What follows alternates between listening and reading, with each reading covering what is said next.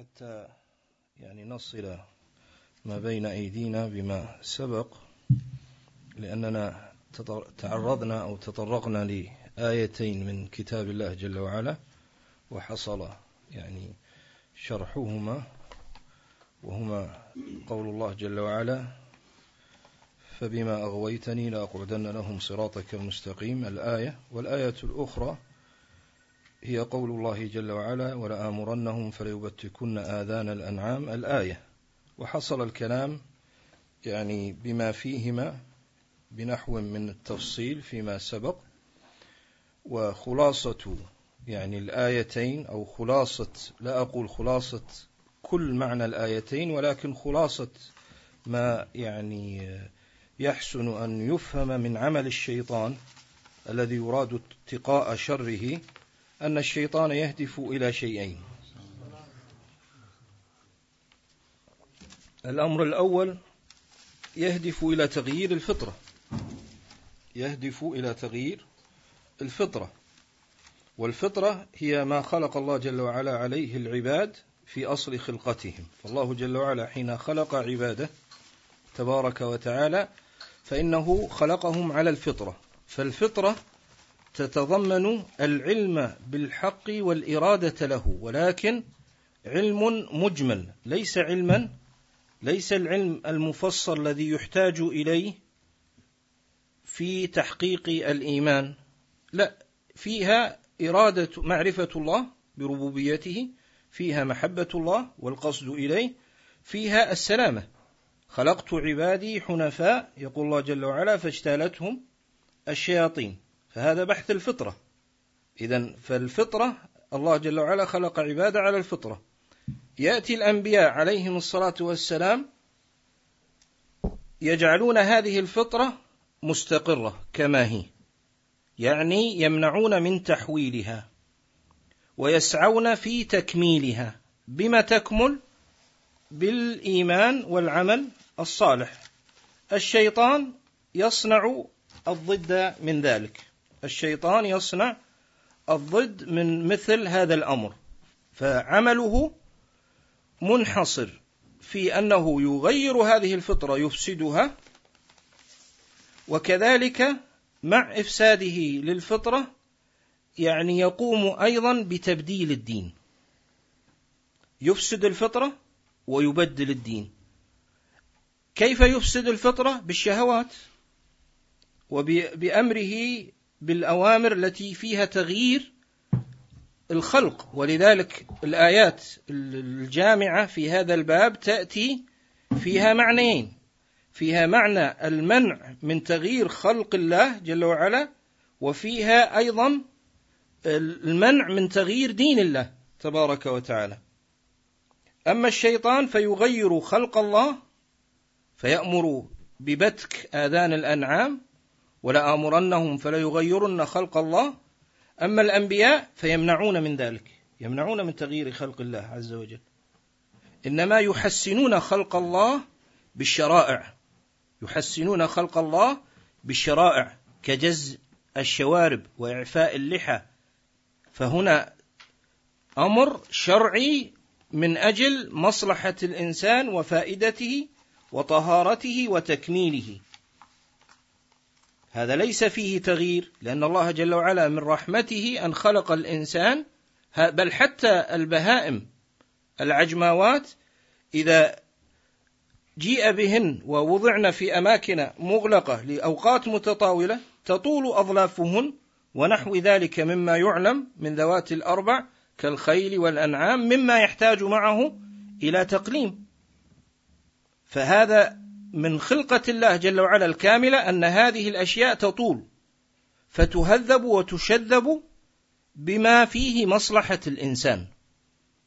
وهذا نوع من الحكمة من الله جل وعلا وأيضا فيه نوع من الابتلاء للإنسان بالتكليف والأمر والنهي. ولذلك الله جل وعلا ابتلى إبراهيم عليه الصلاة والسلام بكلمات فأتمهن. كان من هذه الكلمات أن ابتلاه بأن يطهر نفسه أي أن يزيل الغلفة الموجودة على ذكره مما توجد في أصل الخلقة لأن هذا من الأشياء التي جاءت الشريعة بها. فهذا من الامتحان للإنسان حتى يبتلى طاعته لله جل وعلا وكل ما يؤمر به الإنسان مما فيه طاعة الله جل وعلا ففيه مصلحته. فالمصلحة والمفسدة المصلحة والمفسدة المصلحة ما أمر به الشرع والمفسدة ما نهى عنه الشرع. فكل ما أمر به الشرع فيه مصلحة وكل ما نهى عنه الشرع فيه مفسدة. فالمصلحة والمفسدة الشرعية وكنت ود يعني لو أن أخينا الذي سأل عن هذه المسألة يكون موجودا لكن أقول فالمصلحة والمفسدة الشرعية هي ليست آه، أمر من الأحاجي أو أمر من التكهنات أو أمر عقلي. لا هو هو ما بعث به النبي صلى الله عليه وسلم متضمن المصلحة والمفسدة.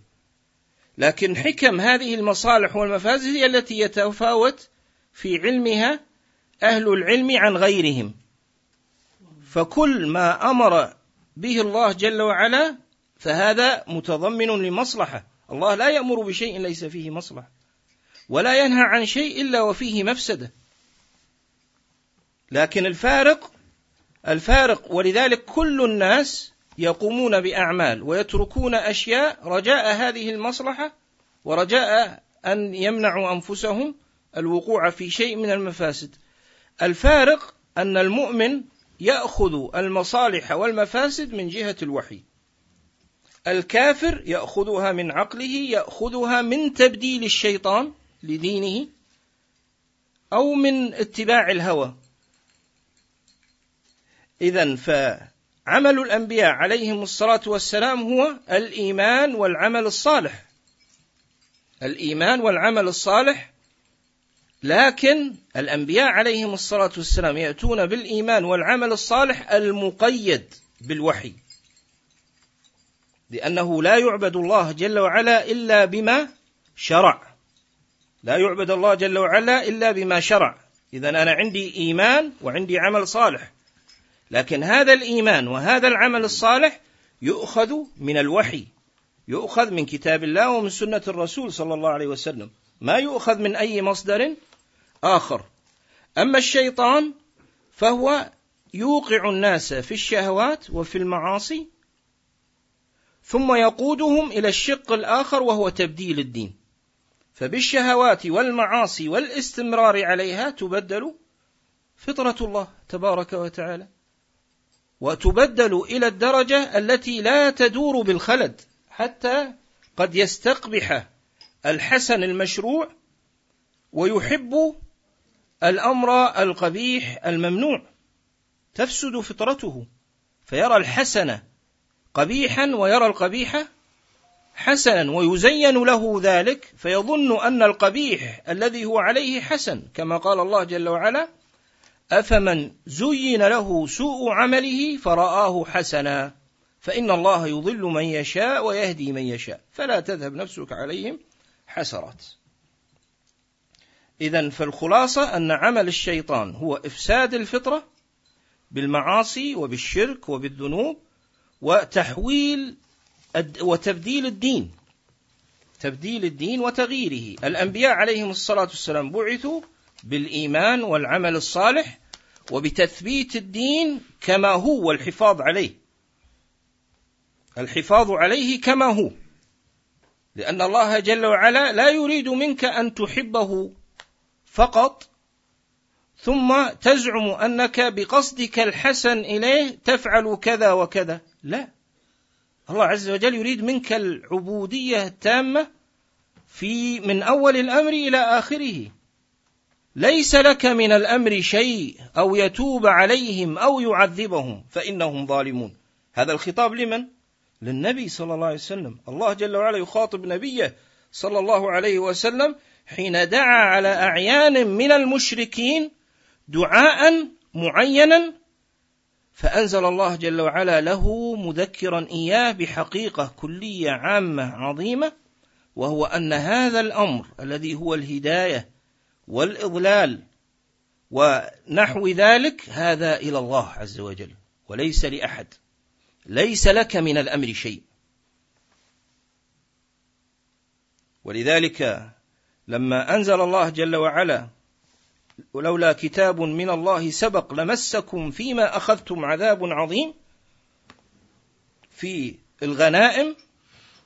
لما سارع النبي صلى الله عليه وسلم إلى أخذ الغنائم في مقابل الأسارة فأرجع أسار المشركين إلى أقوامهم في مقابل الغنيمة في مقابل يعني ما يؤخذ في مقابل ذلك. فأنزل الله جل وعلا أنه ما كان لنبي أن يكون له أسرى حتى يثخن في الأرض. تريدون عرض الدنيا والله يريد الآخرة؟ يعني الآن ليس هذا وقت أن يفدى الأسارى. الإسلام في أوله. الإسلام في أوله. يحتاج إلى أن يثبت أنه دين قوي وأن أصحابه على ثقة فيه. فهذا معنى مهم لأهل الإيمان.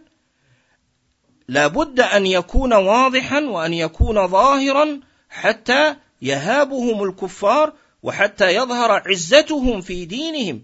كيف يظهر معنى قول الله جل وعلا إنما العزة لله ولرسوله وللمؤمنين؟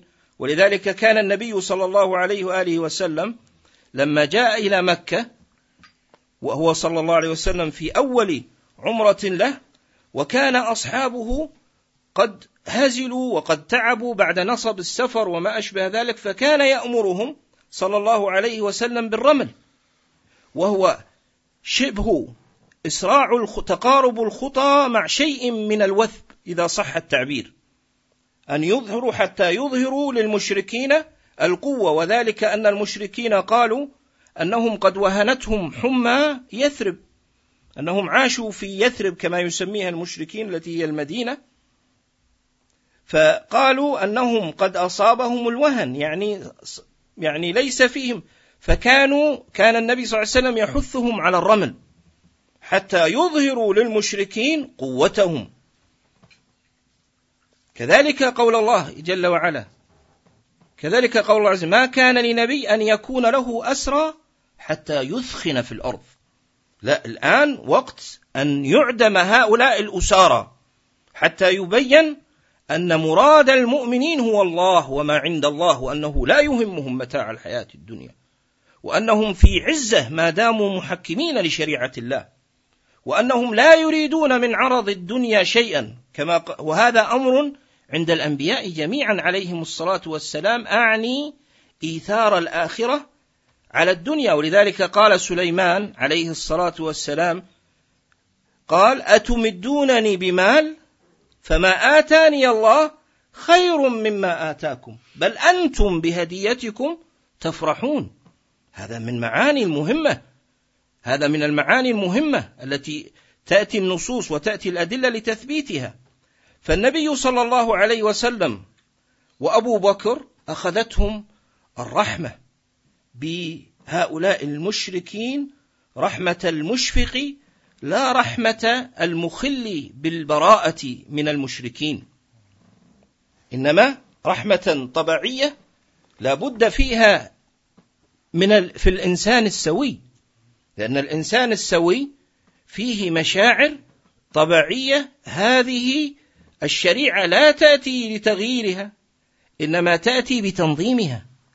وتأتي تضعها فتضع الحب في الله والبغض في الله شيء وكونك بعد ذلك تميل إلى أمك المشركة وتحب لو أنك لو أنها اهتدت وتحب أن تحسن إليها فهذا لا يمنع الشر... لا تمنع الشريعة منه أبدا. ولذلك لما جاءت أم أسماء المشركة إلى المدينة فزارت بنتها أسماء وكانت أسماء بريئة من المشركين في اعتقادها وأمها بين كونها أمها ووشيجة العاطفة الطبيعية وبين كونها مشركة يقتضي الإيمان النفرة منها والبغض منها في الله.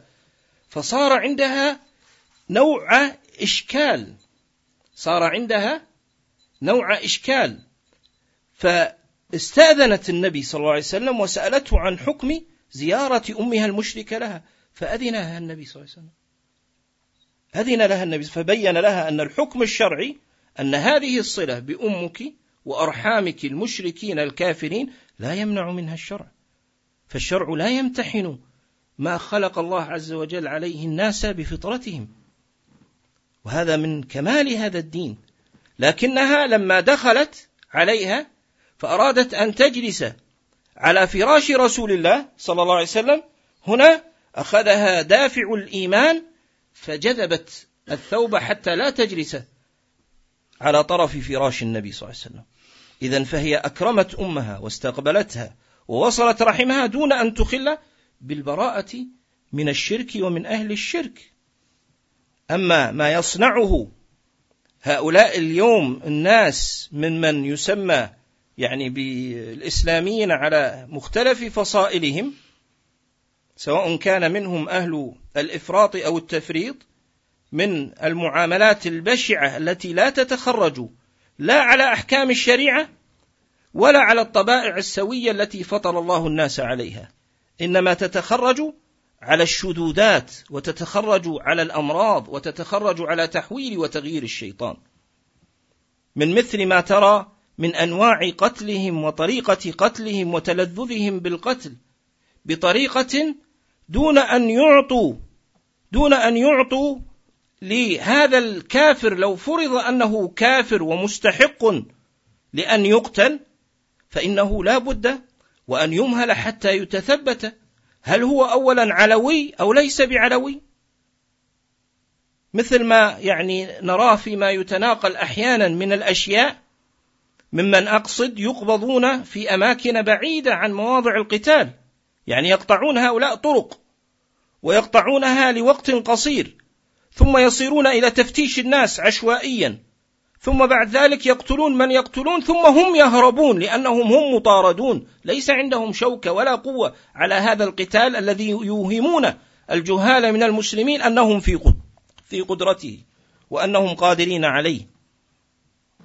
فالمقصود أن النبي صلى الله عليه وآله وسلم وأبو بكر فدوا هؤلاء الأسارى. فأنزل الله جل وعلا العتاب وبيان الحكم الصحيح المستمر أنه في حال ضع في حال بداية الدين والإيمان فإنه ينبغي مراعاة إظهار القوة وإظهار عزة الدين. فدخل عمر رضي الله عنه وأرضاه على أبي بكر والنبي صلى الله عليه وسلم وهما يبكيان فقال ما يبكيكما؟ إلى آخر يعني القصة أو آخر الحديث عن النبي صلى الله عليه وسلم.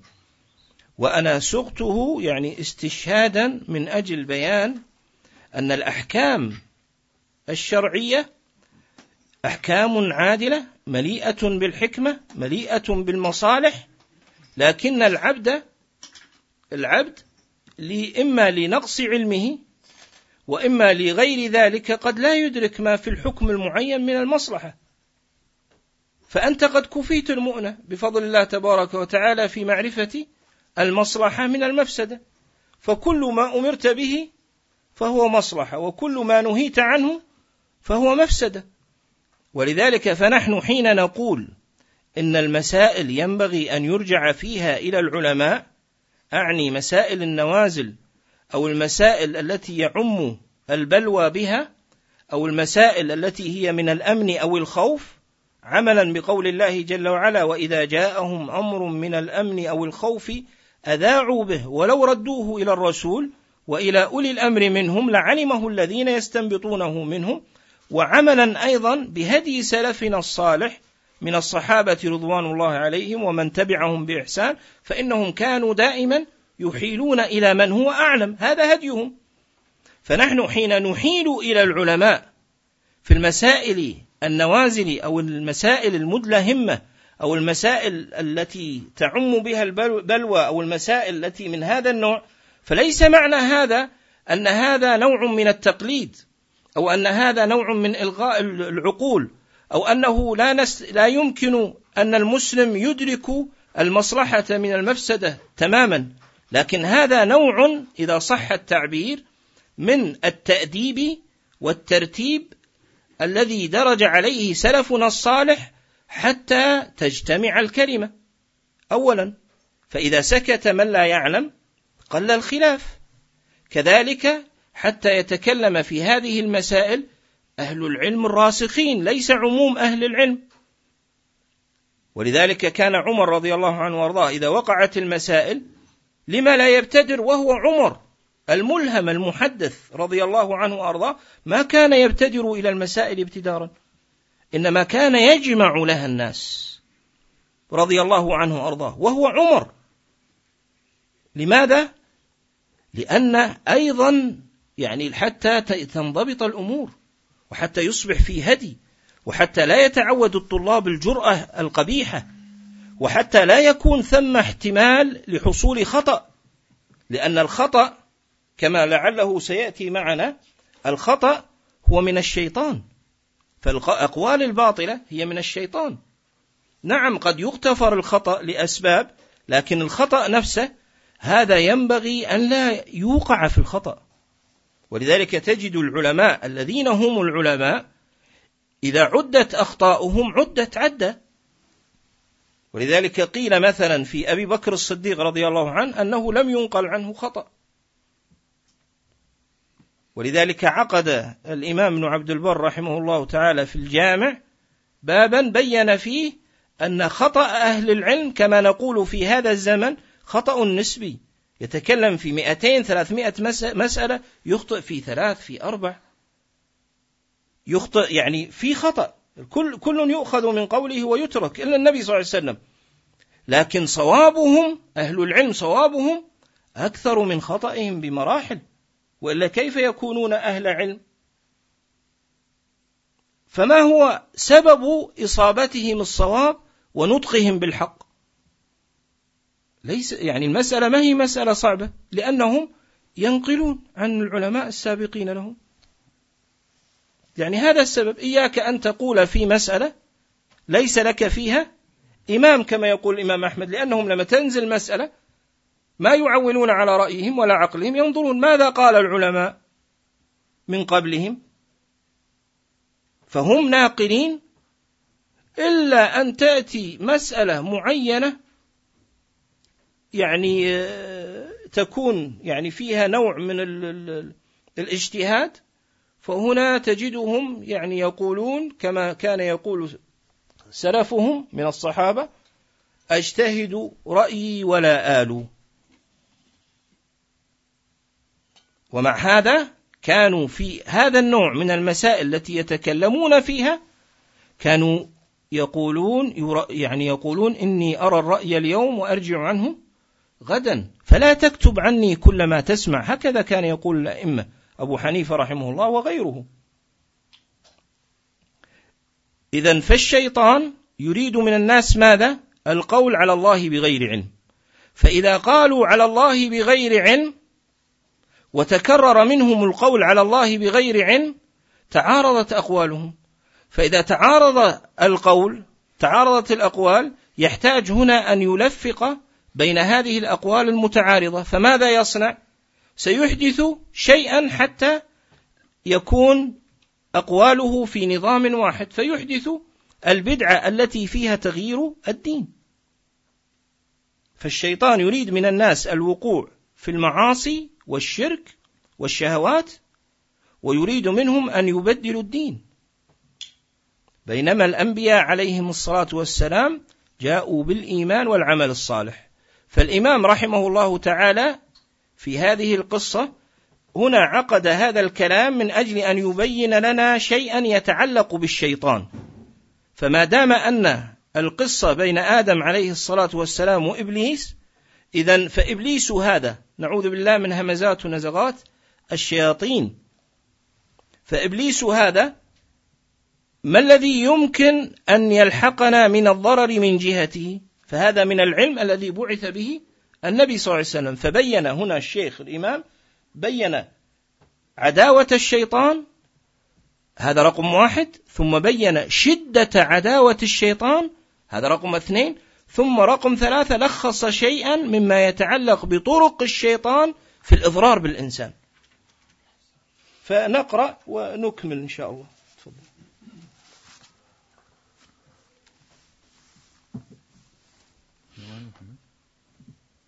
من عداوة الشيطان منها معرفة العداوة. لأن إحنا شرحنا وما قرأنا.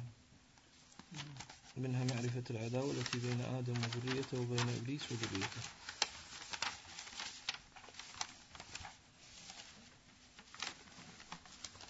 بسم الله الرحمن الرحيم. الحمد لله رب العالمين والصلاة والسلام على رسول الله وعلى آله وسلم. قال الإمام محمد بن عبد الوهاب رحمه الله تعالى ومنها معرفة العداوة التي بين آدم وذريته وبين إبليس وذريته وأن هذا سببها لما طرد عدو الله ولعن بسبب آدم لما لم يخضع. وهذه المعرفة مما يغرس في القلب محبة الرب جل جلاله ويدعوه إلى طاعته وإلى شدة مخالفة الشيطان لأنه سبحانه ما طرد ما طرد إبليس ولعنه وجعله بهذه المنزلة الوضيعة بعد تلك المنزلة الرفيعة إلا لأنه لم يخضع بالسجود لأبينا آدم فليس من الإنصاف والعدل موالاته وعصيان المنعم جل جلاله كما ذكر هذه الفائدة بقوله أفتتخذونه وذريته أولياء من دوني وهم لكم عدو بئس للظالمين بدلا. يعني أن هناك تشريف حصل لآدم عليه الصلاة والسلام في هذا المقام حيث يؤمر الملائكة ومن جملتهم إبليس الذي ارتقى في مصافهم كما تقدم إلى أن يؤمر بالسجود لآدم فهذا تشريف وتكريم لآدم عليه الصلاة والسلام. فلما امتنع من هذا التشريف ومن هذا التكريم لعنه الله جل وعلا. لعنه الله جل وعلا. فهنا هذا يقتضي معرفة فضل الله تبارك وتعالى وعظيم نعمة على هذا النوع الذي هو الآدميين وأن الله جل وعلا قد فضلهم على كثير ممن خلق تفضيلا وكما قال الله عز وجل ولقد كرمنا بني آدم. فالله جل وعلا كرم بني آدم وفضلهم فهذا الإكرام يقتضي معرفة فضل الله عز وجل وحبه وشكره تبارك وتعالى على ما أنعم به على هذا النوع. نعم. ومنها معرفة شدة عداوة عدو الله لنا وحرصه على إغوائنا بكل طريق فيعتد المؤمن لهذا الحرب عدته ويعلم قوة عدوه وضعفه عن محاربته إلا بمعونة الله. كما قال قتادة إن عدوا يرانا هو وقبيله من حيث لا نراهم إنه لشديد المؤونة إلا من عصمه الله. وقد ذكر الله عداوته في القرآن في غير موضع وأمرنا باتخاذه عدوا. يعني منها قوله تعالى إن الشيطان لكم عدو فاتخذوه عدوا. وذلك أن الشيطان ليس من نوع الإنسان. فنوع الإنسان هو من نوع الإنسان فمن الممكن اتخاذ الحيلة والتدبير إذا عاداك إنسانا. لكن الشيطان هو نوع من نوع آخر. لا يوجد بينه وبينك شيء تستطيع حياله إلا الاستعاذة بالله تبارك وتعالى والرجوع إلى طاعة الله عز وجل. فهو نوع آخر وجنس آخر. وقد أوتي من الأسباب ما يمكنه من القيام بالشر. لكن مع هذا إذا استعاذ العبد بربه تبارك وتعالى استعاذة استعاذة صادقة ولكن المهم في موضوع الاستعاذة المهم في موضوع الاستعاذة وطلب يعني كفاية شر الشيطان مما قد يعني يغفل عنه كثيرا في الحقيقة أن القضية ليست أن يقول أعوذ بالله من الشيطان فقط. لابد أن يسلك هو من الأسباب المشروعة من الإيمان والعمل الصالح ومن الإيمان والعمل الصالح كما سبق وذكرنا على السنة وعلى المشروع حتى يكون في وقاية من شر الشيطان من شر وسوسته العارضة ومن شر أثره المستديم من شر وسوسته العارضة التي تعرض. ولا بد أن تعرض لكل يعني حتى المؤمنين. إذا رأى الشيطان فرصة فإنه يوسوس لهم. الذين إذا مسهم طائف من الشيطان تذكروا فإذا هم مبصرون. إذا فالغفلات العارضة هذا شيء يوسوس الشيطان. ولكن هناك أسباب تجعل الإنسان يقع فريسة لمراد الشيطان من حيث أنه يخل بالإيمان والعمل الصالح فيكون تسلط الشيطان عليه أكثر. لأن بعض الناس يعني بيان ذلك يعني أن عندك أنت إيمان وعمل صالح وأن يكون الإيمان والعمل الصالح على السنة.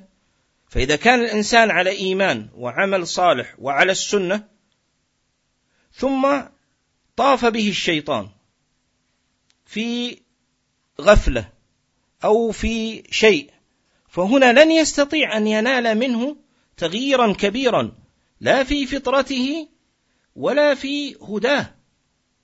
لأن هذا يقتنص منه كما جاء في بعض الأحاديث أنه كالذئب يقتنص الضالة من الغنم. يعني بمعنى أنه يسرق سرقة من المؤمن. يسرق سرقة من المؤمن. لحظة غفلة لحظة شهوة لحظة غضب. فيدخل عليه. ولكن المؤمن المداوم على الإيمان والعمل الصالح والمتحري للحق فهو محقق لعبودية الله. فإذا استعاذ بالله من الشيطان فهنا يكون في حصان كامل لأن ذكر الله عز وجل يحصن من الشيطان. أما الإنسان يذكر الله وأذكار الصباح والمساء وهو يعصي الله صباح مساء وفي نفس الوقت قد يطيع الله على غير السنة. ولذلك تجد كما ذكر أهل العلم أن كثيرا من العصاة يعني ما معناه؟ أن كثيرا من العصاة أنهم يبتلون بالبدع. لأنه يريد أن يطيع الله جل وعلا فيما يكفر عن سيئاته مع إصراره على سيئاته. فلا يوفق إلى السنة. فحتى يوفق الإنسان إلى هدى الله جل وعلا وإلى الحق وإلى السنة فعليه أن يطيع الله ويطيع رسوله صلى الله عليه وسلم. ثم عليه أن يطيع الله ويطيع رسوله صلى الله عليه وسلم على السنة. ليس على الأهواء ليس على البدع. على السنة. فإذا فعل ذلك واستعاذ بالله من الشيطان فهنا يكون يدخل في الاستثناء الذي ذكره الشيطان نفسه. إلا عبادي ليس لك عليهم سلطان. فهنا يدخل لكن إنسان يعصي الله جل وعلا. أو إنسان يطيع الله ولا يتحرى الحق والسنة. هل يدخل في مسمى عبادي؟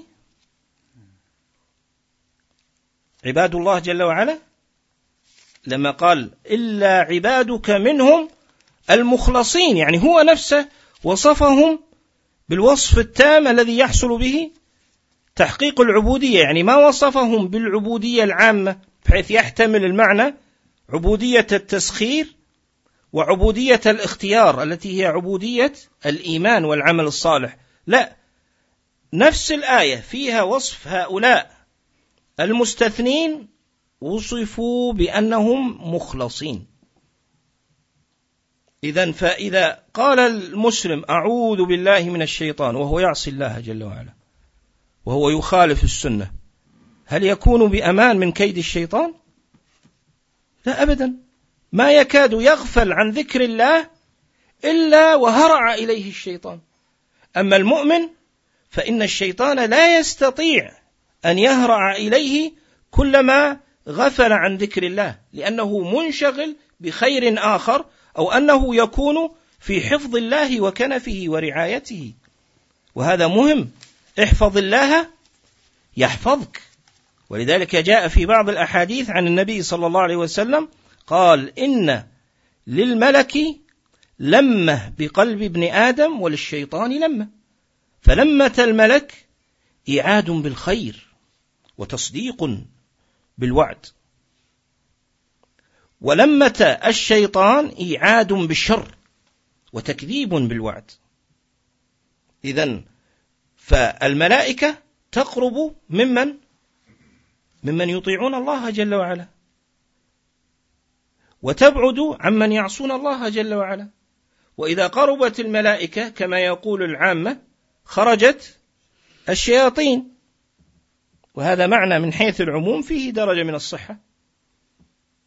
فالمقصود الذي يكون حافظا لما أنزل الله تعلما وعملا وتمسكا بحسبه هل يكون هو من يعصي الله عز وجل ثم تجده إذا أصبح يحرص تمام الحرص على أين الحصن الحصين؟ فيقرأه ما شاء الله. وإذا أمسى يحرص يقرأه لماذا؟ حتى يحمى من كيد الشياطين. إذا كنت تريد أن تحمى من كيد الشياطين يخشى مع الأسف تجد أن هذه الخشية والخوف من كيد الشياطين تنصب على ماذا؟ على الخوف من السحر أو العين أو الجن أو نحو ذلك إذا فأيضا هذا الخوف ليس خوفا محققا من الله جل وعلا وليس إرادة لتحقيق الإيمان كما يحب الله عز وجل فإذا حين تهرع في صبيحتك أو مسائك إلى الحصن الحصين تقرأه ثم إذا جاء وقت الصلاة ونادى المنادي الله أكبر الله أكبر تجد نفسك تتثاقل فأين خوفك من الشيطان وحرصك؟ أنت استجبت للشيطان فكيف تريد أن الأذكار تنفعك بإذن الله تبارك وتعالى وأنت لم تأتي بما أمرك الله عز وجل به مما هو واجب عليك؟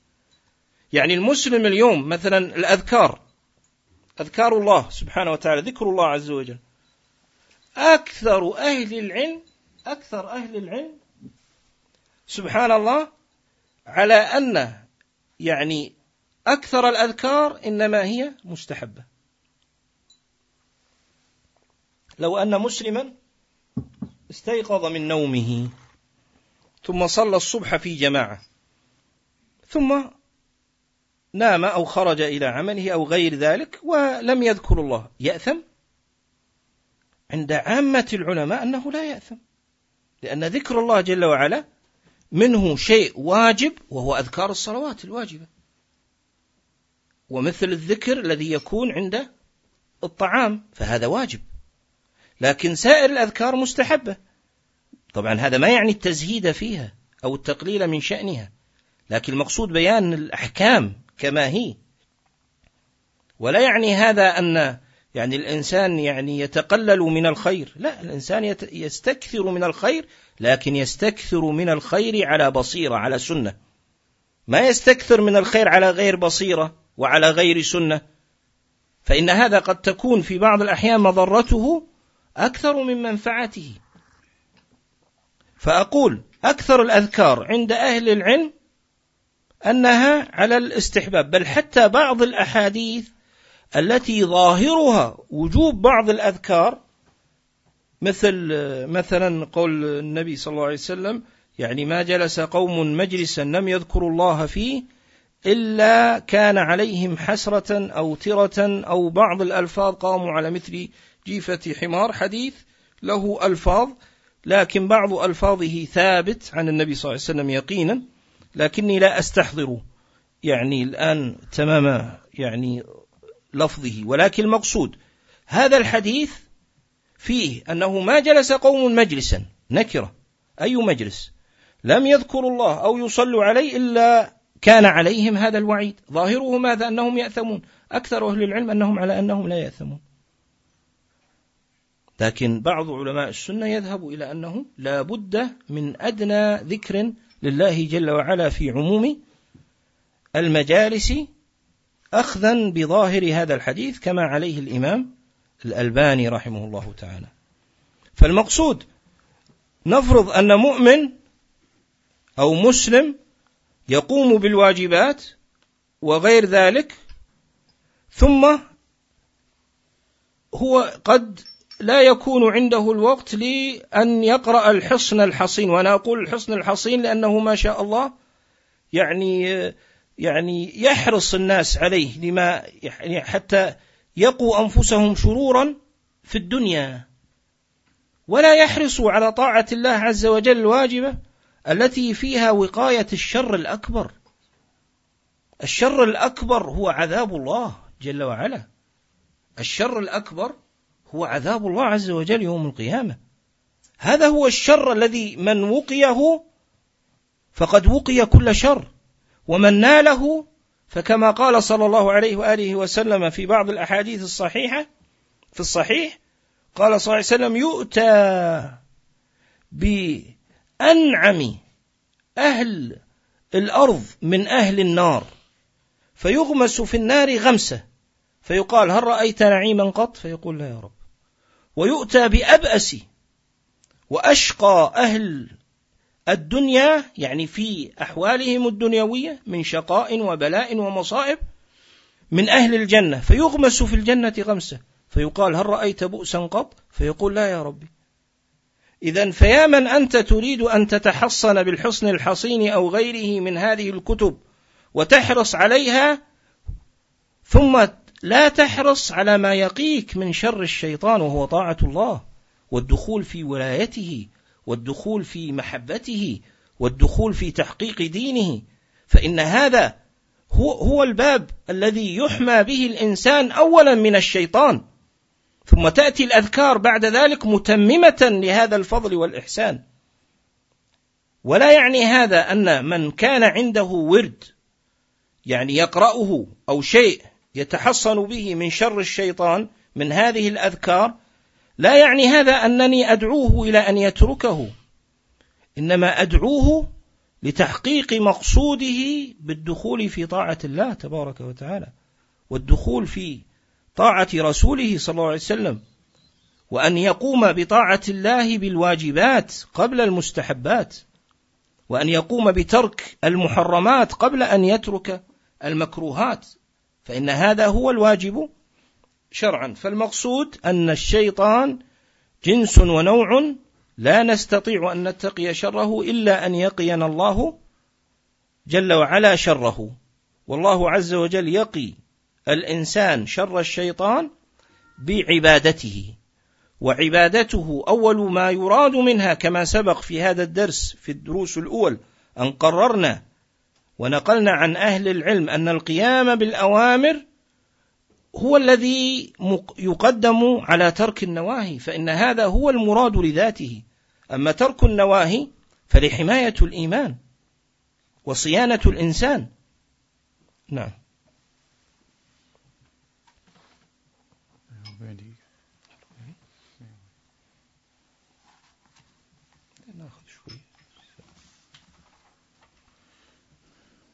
قوله ومنها وهي من أعظمها معرفة الطرق التي يأتينا منها عدو الله كما ذكر الله تعالى عنه في القصة أنه قال لأقعدن لهم صراطك المستقيم ثم لآتينهم بين أيديهم ومن خلفهم وعن أيمانهم وعن شمائلهم وإنما تعرف عظمة, عظمة هذه الفائدة بمعرفة شيء من معاني هذا الكلام قال جمهور المفسرين نترك للأسبوع القادم ولكن ما في بأس أن نتكلم يعني بشيء قد يكون يعني له علاقة الطرق التي يأتينا منها عدو الله.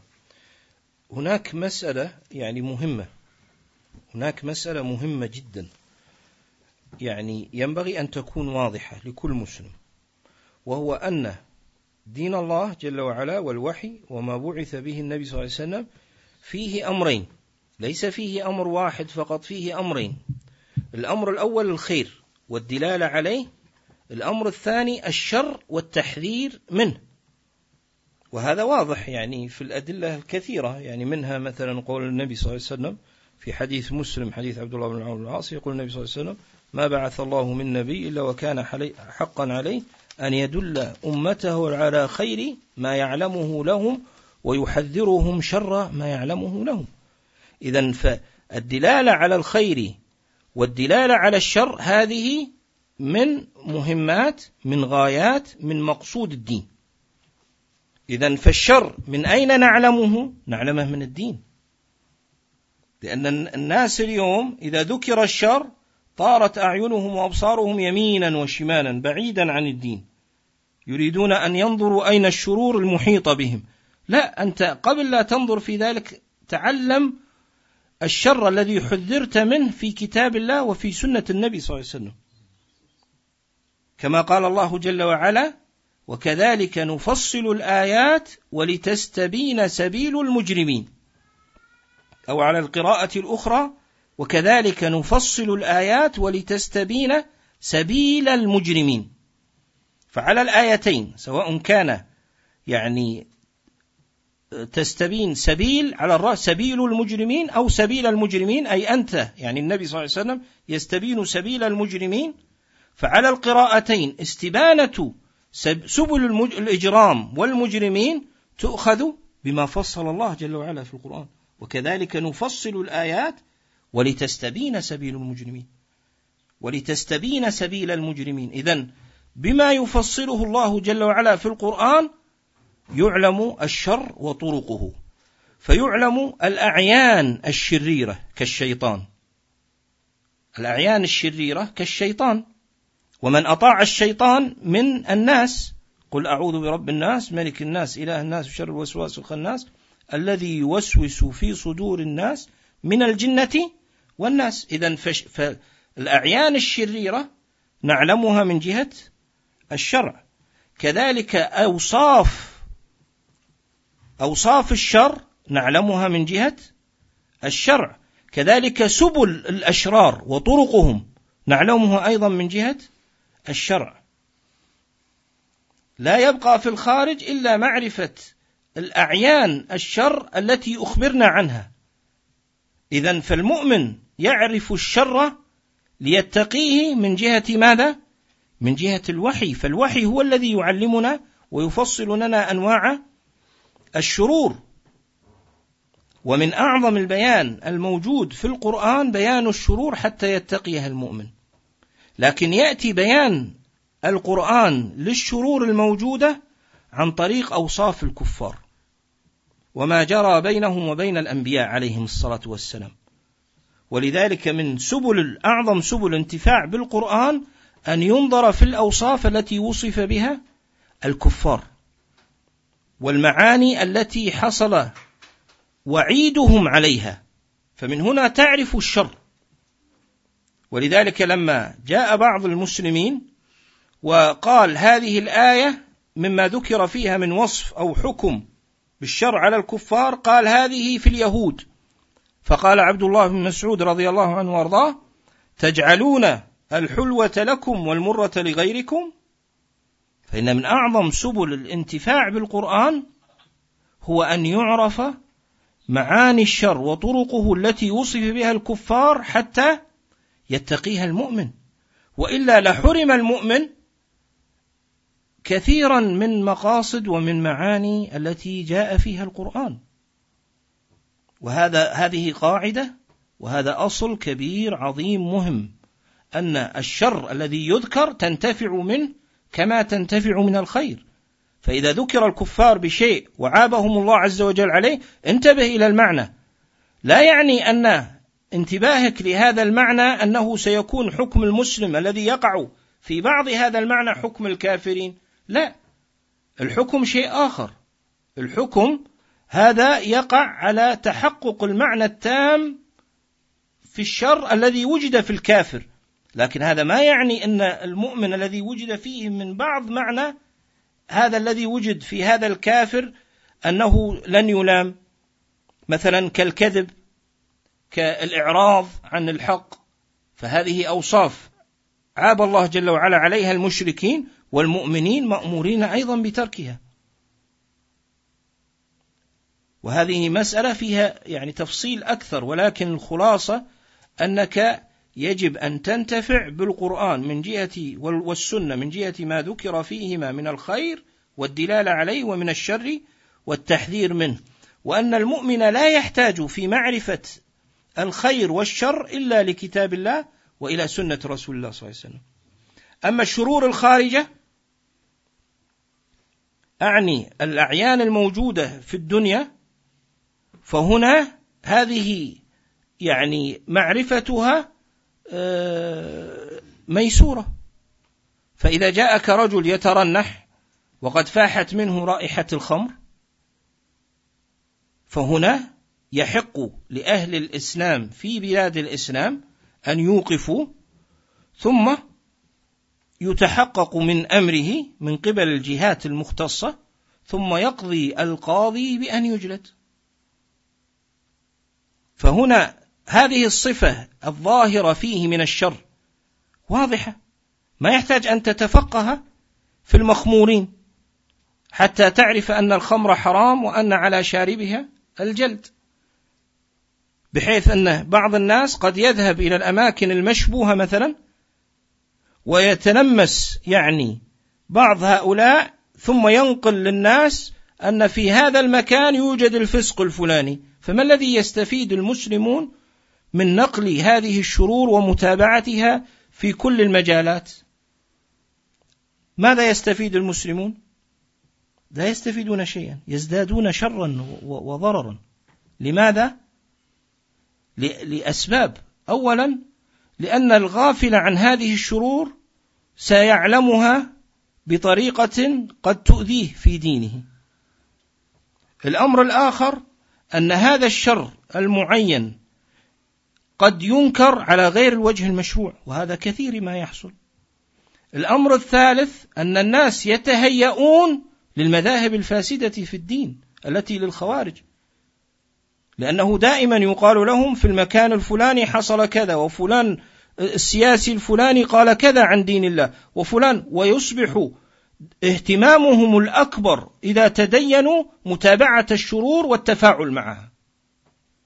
بينما الأصل أن الإنسان إذا تدين أن يقبل على ماذا؟ أن يقبل على الله عز وجل وأن يقبل على طاعة الله وأن يقبل على كتاب الله وسنة النبي صلى الله عليه وسلم. ولذلك يعني لما جاء رجل إلى بعض المساجد في زمن السلف الصالح فقال أين أنتم؟ يعني أتى لأهل المسجد يريد أن يحرضهم على إنكار المنكر. فقال أين أنتم؟ فقد جئت في السوق وفيه كذا وكذا يعني منكر. فقال له رجل من السلف الصالح لقد آذيت أهل المسجد ولم تنكر على أهل السوق. أو ما معنى؟ إذا فالشرور حتى تتقيها يحتاج أن تعلمها من جهة الشرع والوحي لا من جهة وقوع أعيانها في الواقع لكن في الواقع تتعلم الشر يعني بمعنى حكم الشر المعين الذي تحتاج إليه كأن تكون أنت مثلا في مكان آه، في تعمل مثلا في بنك. فتحتاج وتعلم أن الربا حرام. وتعلم أن البنوك مثلا الأصل فيها أنها تتعامل بالربا. فهنا تسأل ما حكم عملي في هذا البنك؟ فيفتيك أهل العلم ويبينون لك حكم الله جل وعلا. فهنا شر تتقيه لحاجتك. لكن حين أقول لك في مثل هذا المجلس مثلا نحن في بلد فروع البنوك الربوية في كل مكان تشاد دون نكير وكل يوم تزداد والله جل وعلا قد توعد بالحرب على الربا. من المستفيد؟ ماذا حصل من فائدة هنا؟ حصل تهيج. حصل تهيئة النفوس إلى الانشغال فيما لا يعنيها وإلى تتبع أعيان الشر التي هي غير مخاطبة بها وإلى زيادة الشر وإلى تهيئة النفوس لاستقبال البدع وأن تكون من جنود الجماعات الإسلامية السياسية. فينبغي على المسلم في التعامل مع الشرور أيضا أن يكون عنده فقه وأن يكون عنده علم وبصيرة من جهة السنة. ونسأل الله تبارك وتعالى أن يصلح أحوالنا وأحوال المسلمين وأن يهدينا جميعا سواء السبيل.